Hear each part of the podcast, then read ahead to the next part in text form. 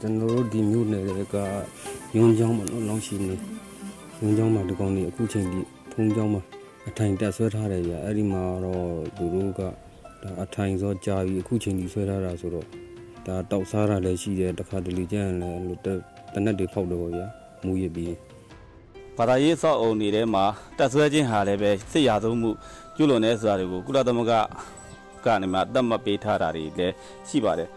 မကွေးတိုင်းဒေသကြီးဟာဆီယနာတိန်းနာကိုအပြင်းအထန်ကန့်ကွက်ဆန့်ကျင်နေတယ်ဆိုတာအားလုံးမျက်မြင်ဖြစ်ပါတယ်။ဒါရဲ့ရလက်ကတော့ခုခံမှုတွေကိုခြေမုံဖို့စစ်တပ်ကစစ်အင်အားတွေကိုပို့ပြီးတော့တိုးတိုးပို့နေခဲ့ပါတယ်။ဒီလိုပို့လိုက်တဲ့တက်အများစုဟာလည်းဖုန်ကြီးကျောင်းတွေမှာစစ်စခန်းတွေအဖြစ်တက်ဆွဲနေကြတယ်လို့ဒေသခံရွာသားတွေကပြောကြပါတယ်။ မင်္ဂလာပါရှင်မြန်မာနိုင်ငံတဝမ်းမှာရှိတဲ့လူခွေရေးနဲ့ပတ်သက်တဲ့အကြောင်းအရာတွေကို တင်ဆက်ပေးနေတဲ့ဒိုးတန်အပတ်စဉ် podcast အစီအစဉ်ကနေကြိုဆိုလိုက်ပါတယ်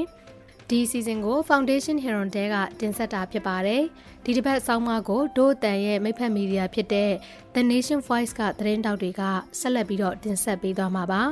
ဆောင်းပါးအတွင်းလုံခြုံရေးအခြေအနေတွေကြောင့်နာမည်တွေကိုပြောင်းလဲအသုံးပြုထားပါတယ်ရှင်။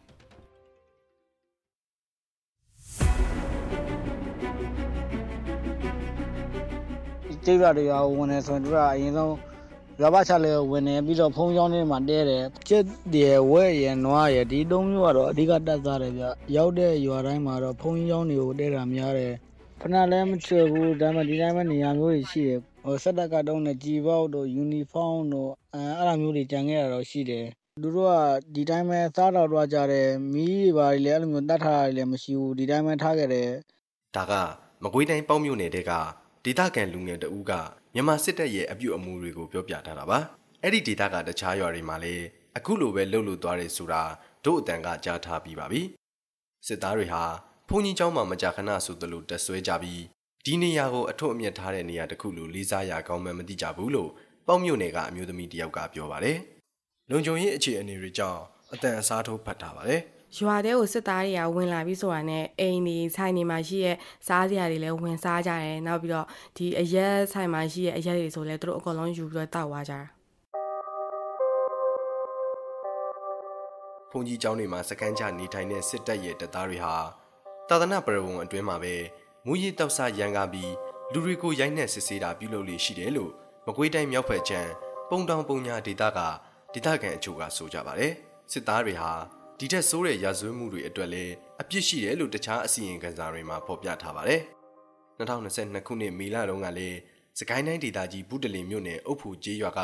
ဗုဒ္ဓဘာသာတရားစခန်းတစ်ခုမှာစစ်သားတွေကပြည်သူကိုဦးကိုပြစ်ခတ်တပ်ဖြတ်ခဲ့တယ်လို့ဆွဆွဲခံထားရပါတယ်။စကိုင်းလိုပဲမကွေးကလည်းစစ်အာဏာရှင်ကိုအပြင်းအထန်ဆန့်ကျင်နေတဲ့ဒေသတစ်ခုပါ။ဒီလိုခုခံတာအားကောင်းတဲ့ဒေသတွေကရွာတွေကိုစစ်တပ်ကကင်းလဲတာစစ်ကြောင်းထူတာလေကြောင်းတိုက်ခိုက်တာတွေလုပ်ပြီး အိမ်နဲ့ပြည်သူပိုင်အဆောက်အဦများစွာကိုမိရှုဖျက်ဆီးခဲ့ပါတယ်။စစ်တပ်ထောက်ခံတဲ့တချို့ဘုံကြီးတွေကတော့ကျောင်းထဲမှာစစ်သားတွေကိုနေခွင့်ပေးတယ်လို့စားစရာတောင်ချက်ပြုတ်စီမံပေးသေးတယ်လို့ရွာသားတွေကပြောပါတယ်။ကြောက်ထုကအဖြစ်အပျက်တစ်ခုကိုဒေတာခံကပြောပြထားပါတယ်။ကျွန်တော်တို့ဒီမြို့နယ်ကရုံချောင်းပေါ့နော်လောင်းရှိနေရုံချောင်းမှာဒီကောင်ကြီးအခုချိန်ဒီဖုံးချောင်းမှာအထိုင်တက်ဆွဲထားတယ်ဗျအဲ့ဒီမှာတော့သူတို့က ဒါအထိုင်စောကြာပြီအခုချိန်ဒီဆွဲထားတာဆိုတော့ဒါတောက်စားတာလည်းရှိတယ်တခါတလေကျရင်လည်းလို့တနက်တွေဖောက်တော့ဗျာမူရပြီးဒါပေမဲ့တခြားဖြစ်စဉ်တွေမှာတော့ဘုံကြီးတွေဟာရွာသားတွေနဲ့အတူပြေးလွှားရှောင်ကြရတာဒါမှမဟုတ်ကျောင်းထဲမှာစခန်းအချမခံလို့ဖမ်းဆီးခံရတာတွေရှိနေပါတယ်။2022ခုနှစ်ဇန်နဝါရီလ9ရက်နေ့တုန်းကစောမြို့နယ်ကံကြီးရွာဘုံကြီးကျောင်းကိုစစ်သားတွေဝင်စီးပြီး ကျောင်းနိုင်ဘုံကြီးကိုဖမ်းခေါ်သွားခဲ့ပါတယ်။ကံကြီးရွာဘုံကြီးကျောင်းကစံအိတ်နဲ့တခြားအရာတွေကိုလည်းစစ်သားတွေကခိုးယူသွားသေးတယ်လို့ကိုယ်တိုင်တွေ့လိုက်ရတဲ့ဒေသခံတယောက်ကပြောပါတယ်။လုံခြုံရေးအခြေအနေတွေကြောင့်အတန်အစားထိုးဖတ်ထားပါတယ်ကံကြီးကြီးရွာဘုန်းကြီးကျောင်းဝင်စီးပြီးတော့ကျောင်းနိုင်ဆရာတို့ဖမ်းဆီးခေါ်ဆောင်သွားတယ်။အခုဆရာတို့ကထောင်ထဲမှာပါအပြည်ပြည်ဆိုင်ရာလူသားချင်းစာနာထောက်ထားမှုဆိုင်ရာဥပဒေအရဘာသာရေးအဆောက်အအုံတွေနဲ့ ဝိပုယာနေရာတွေကိုအကာအကွယ်ပေးရမှာဖြစ်ပါတယ်။ဘယ်အဖွဲ့အစည်းကမှပဋိပက္ခအတွင်းမှာအသုံးချခွင့်မရှိပါဘူး။ဒါဟာလွတ်လပ်စွာယုံကြည်ခွင့်နဲ့ယုံကြည်တတ်ဝင်ခွင့်ကိုချိုးဖောက်တာဖြစ်တယ်လို့ကမ္ဘာကုလသမဂ္ဂရဲ့လူအခွင့်အရေးကြီးညာစာတမ်းမှာဖော်ပြထားပါတယ်။မြိုင်မြို့နယ်ကဘုန်းကြီးတစ်ပါးကတော့ဒါဟာဗုဒ္ဓလမ်းစဉ်တွေနဲ့မကိုက်ညီဘူးလို့ပြောထားပါတယ်။ဘာသာရေးစောက်အုံတွေထဲမှာတက်ဆွဲခြင်းဟာလည်းပဲစစ်ရာသုံးမှုကျူးလွန်နေဆိုတာတွေကိုကုလသမဂ္ဂ ကနေမှတတ်မှတ်ပေးထားတာတွေလည်းရှိပါတယ်ဆိုတော့ဟိုကျန်းကန်တွေထဲမှာတက်ဆွဲတယ်မဆွဲတယ်ဆိုတာကဦးဇင်းတို့ဗုဒ္ဓရဲ့ဓမ္မတွေထဲမှာကတော့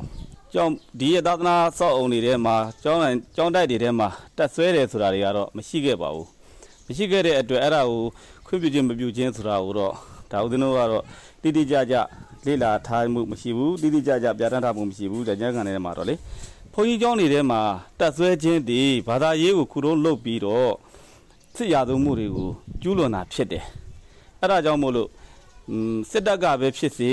တခြားသောဒေါ်လာရေးအင်အားစုတွေအပွဲအပဲဖြစ်စေဖုံးတော်ကြီးကျောင်းတွေဘာသာရေးအဆောက်အုံတွေဆေးရုံတွေနော်ဦးဇင်းတို့ဒီပညာရေးကျောင်းတွေပေါ့နော်ပညာရေးနေရာဌာနတွေပြီးတော့ကြတော့ကယ်တယ်ရေးစခန်းလိုနေရာမျိုးတွေဟာတက်ဆွဲနေခြင်းသည်ကုလသမဂ္ဂကပြဋ္ဌာန်းထားတဲ့ စစ်ရာဇဝမှုကိုကျူးလွန်နေတာဖြစ်တဲ့အတွက်လောကမှာတက်ဆွဲခြင်းသည်မတင်တော်ဘူးဒါတွေကိုလည်းဦးဇင်းတို့ကတော့ကန့်ကွက်တယ်ရှုံချတယ်ဆိုတာလေးကိုပြောချင်ပါတယ်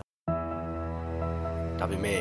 ဗုဒ္ဓဘာသာတန်ခါကြားမှာအတော်လေးကွဲလွဲနေကြပါတယ်တို့အတန်နဲ့စကားပြောခဲ့တဲ့မြိုင်မြို့နယ်တွေကနောက်ထပ်ဘုန်းတော်ကြီးတစ်ပါးကတော့ဘုန်းကြီးတွေကနိုင်ငံရေးတဲ့ဝင်မပါတင်ဘူးလို့ပြောပါတယ်အဲဘာသာရေးနိုင်ငံရေးတော့မရတယ်ဘာသာရေးနိုင်ငံရေးဘာမှခံလို့လေဘာသာရေးတဲ့ကြောင့်ပဲနိုင်ငံရေးတဲ့ကြောင့်ပဲသူက ဘာသာရေးကောင်းပါလို့ဘာသာရေးလို့နိုင်ငံရေးတော့လုပ်ပါဦး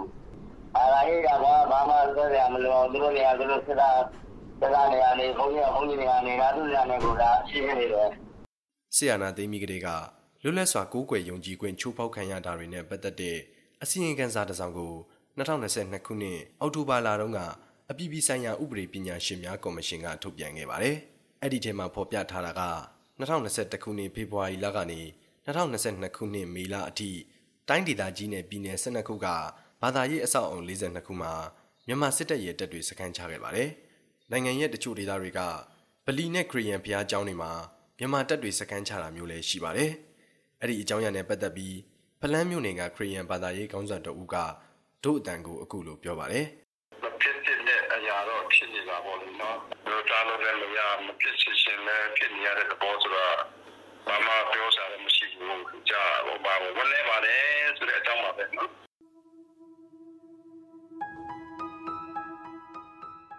မကွေးတိုင်းတောင်ပိုင်းမှာနေတဲ့သူအများစုဟာဗုဒ္ဓဘာသာဝင်တွေဖြစ်ကြပါတယ်။အခါကြီးရကြီးတွေမှာဒေသမှာရှိတဲ့ဘုန်းကြီးကျောင်းတွေတွားပြီးဥပုသ်သတင်းဆောင်ကကုသိုလ်ယူတတ်ကြပါတယ်။45 Rights ရဲ့ဒါရိုက်တာဂျွန်ခွင်လေကတော့ဘုန်းကြီးကျောင်းတွေဟာအဲ့ဒီရွာတွေရဲ့ဘာသာရေးနဲ့လူမှုဘဝတွေအတွက်အရေးကြီးတဲ့နေရာတွေဖြစ်တယ်လို့ဆိုပါတယ်။ I mean, the impact of the community means they don't have a place to worship. You know, you, the, and there's been two years now of ongoing. လူဖွဲ့စည်းကိုထိခိုက်တယ်ဆိုတဲ့နေရာမှာဆိုလိုချင်တာကသူတို့ဆူတောင်းဝပြုစရာနေရာရှိတော့ဘူး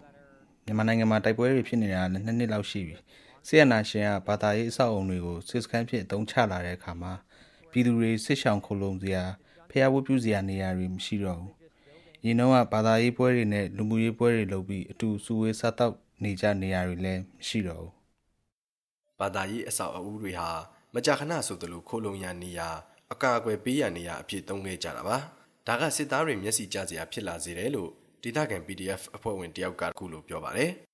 သူတို့လည်းကြောက်တယ်ဗျာကြောက်တဲ့အနေထားကြတော့သူတို့ဟိုမလုံနိုင်မဲ့အရာတစ်ခုသူတို့ပြန်ကျွန်တော်တို့ပြန်လုံနိုင်မဲ့ပြန်မလုံနိုင်မဲ့အရာတစ်ခုကိုသူတို့အရင်ဆုံးရှာတယ်ရှာပြီးကြညမှာသူတို့ ကျွန်တော်တို့ရဲ့နိုင်ကွက်ကိုတွေ့ထားတယ်တွေ့ထားတော့သူတို့ဖုန်းကြောင်းနေမှာနေရဖုန်းကြောင်းနေမှာပဲဂျာဒီခဏတက်ဆွဲကြတယ်ဒါပေမဲ့ဒီလိုလုပ်တာကသူတို့ကိုအမြဲတော့အကာအကွယ်ဖြစ်မနေပါဘူး